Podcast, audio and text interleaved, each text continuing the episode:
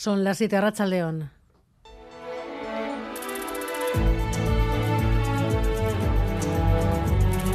Gambara con Arancha García.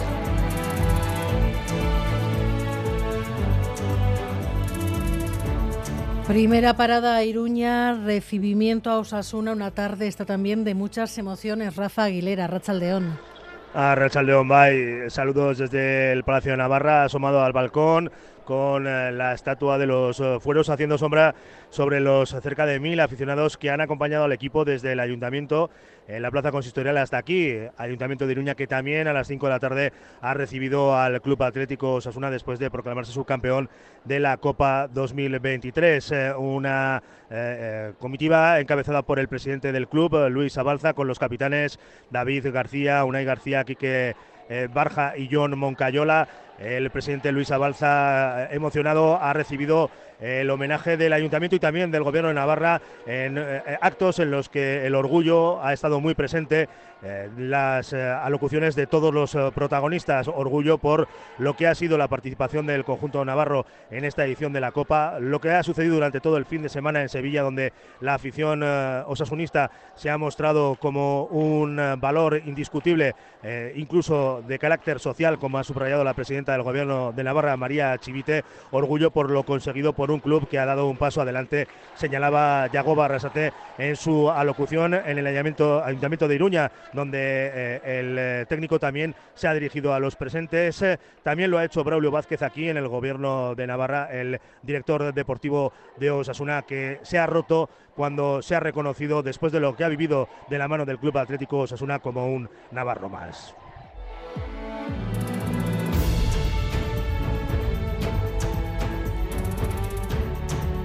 Es lo que está pasando ahora mismo en la capital de Navarra, en Iruña. El Departamento de Educación, entre tanto, ha dado datos esta tarde del proceso de matriculación, el primero con medidas antisegregación. El 94% han obtenido plaza en su primera opción de centro. El 15% del alumnado vasco de dos años ha sido categorizado como vulnerable. En Álava esa cifra asciende al 20%. Esa categorización a partir de los datos que ha arrojado el cuestionario que por primera vez debían rellenar las familias. Y Osakidecha anuncia además la creación de dos unidades específicas para atender los trastornos de conducta alimentaria. Estos recursos se irán integrando en función de la disponibilidad y de los recursos humanos, como ya se ha hecho hasta ahora y ustedes conocen en esta misma legislatura, con Ayete, con Saralegui, Zabalburu en Bilbao, en el Hospital de Galdácano y en Gasteiz. La mayor dificultad es la disponibilidad de recursos humanos al estar hablando de perfiles muy expertos y que son escasos en estos momentos dentro de la necesidad de perfiles profesionales en el ámbito sanitario que ustedes conocen. Es una reclamación de años. Afectadas, familias piden más concreción y reprochan que se haya tardado tanto bienvenida sea, con matices. Se ha dicho mucho y bajo mi punto de vista no se ha dicho nada. Porque no se ha dicho ni cuándo se va a crear, si ya están buscando profesionales, si la partida económica va a llegar. Y la consejera también ha dicho que a corto plazo. Pero ¿cuántos meses es eso? Porque es que, señores, hay vidas en riesgo. Que viene todo tarde, ¿no? Es una cosa que tenía que haberse implantado hace tiempo y por lo menos eh, tenerlo planificado hace tiempo, ir formando al personal, tanto médico como de enfermería. Para eso necesitamos una planificación anterior. A cuatro días del arranque de la campaña electoral, PNV y EH Bildu siguen cruzando reproches. Joseba Eguíbar afirma que la izquierda Berzale quiere ocultar su pasado y Arnaldo Tegui responde que el Partido Nacionalista Vasco recurre a ETA para ocultar sus fallos de gestión. Bildu ikusten duzu, bere isil-isilik, eh, enplazamentu guztiek egin ondoren ba, ez dauka eztabaidatzeko asmorik, guk ez dugu esaten lokatzetara getxi berdanik, guk esaten duna da ez izkutatzeko. ¿Por qué nos empeñamos en llevar este debate al barro de la política pública cuando todo el mundo sabe que normalmente se suele ser más eficaz cuando se hacen estas cosas de manera discreta. Yo tengo la respuesta. La respuesta es, tenemos que hablar de esto. ¿Por qué no podemos hablar de, Miguel? ¿Por qué no podemos hablar del cierre de ambulatorios? Es decir, ¿por qué porque haya un gobierno PNV-PSOE en Gasteiz no puede haber un gobierno de H. Bildu y el PNV en algunos sitios o de la izquierda en otros sitios atendiendo a las razones sociológicas, económicas, etcétera del país? Y Pedro Sánchez continúa con sus anuncios sobre vivienda. El último mañana se aprueba en Consejo de Ministros créditos avales para financiar el 20% de la vivienda a los menores de 35 años y a las familias con niños menores. El Partido Popular ha sacado pecho porque dicen que Moncloa les vuelve a copiar sus políticas.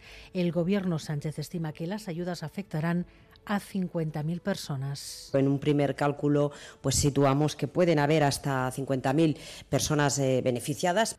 Según los datos del INE, la población entre 20 y 35 años supera los 7 millones y medio. Y los tribunales avalan la política de peajes de la Diputación Foral de Guipúzcoa, el canon para camiones, que se aplica en la N1 y la A15 desde principios de año. Ahora sí tiene el respaldo del Superior de Justicia del País Vasco. Otro de los protagonismos del día lo encontramos en Chile, porque allí la extrema derecha va a dirigir finalmente la comisión que tendría que elaborar la nueva constitución, la que viene de la etapa de Pinochet. John Fernández Moro. Sí, el ultraderechista Partido Republicano de José Antonio Casta ha logrado 22 de los 50 escaños del Consejo Constitucional, mientras los partidos que sustentan al gobierno de izquierdas de Gabriel Boric se han quedado en 17 y por tanto no podrán vetar ni condicionar ese texto constitucional. La derecha tradicional completa para la ultraderecha los tres quintos necesarios para redactar el texto que decidan. La nueva mayoría en el Consejo Constitucional revertirá gran parte del texto que salió rechazado en el anterior plebiscito. Es una nueva mayoría contraria al aborto y favorable a un sistema de pensiones y sistema sanitario con un papel muy relevante del sector privado. Y los deportes, John Subieta, Racha León. Bueno, pues al margen de la emoción suscitada por Osasuna, hay que recordar que en primera división Bryce Méndez sufre una lesión en el abductor largo derecho producida en un entrenamiento de la pasada semana.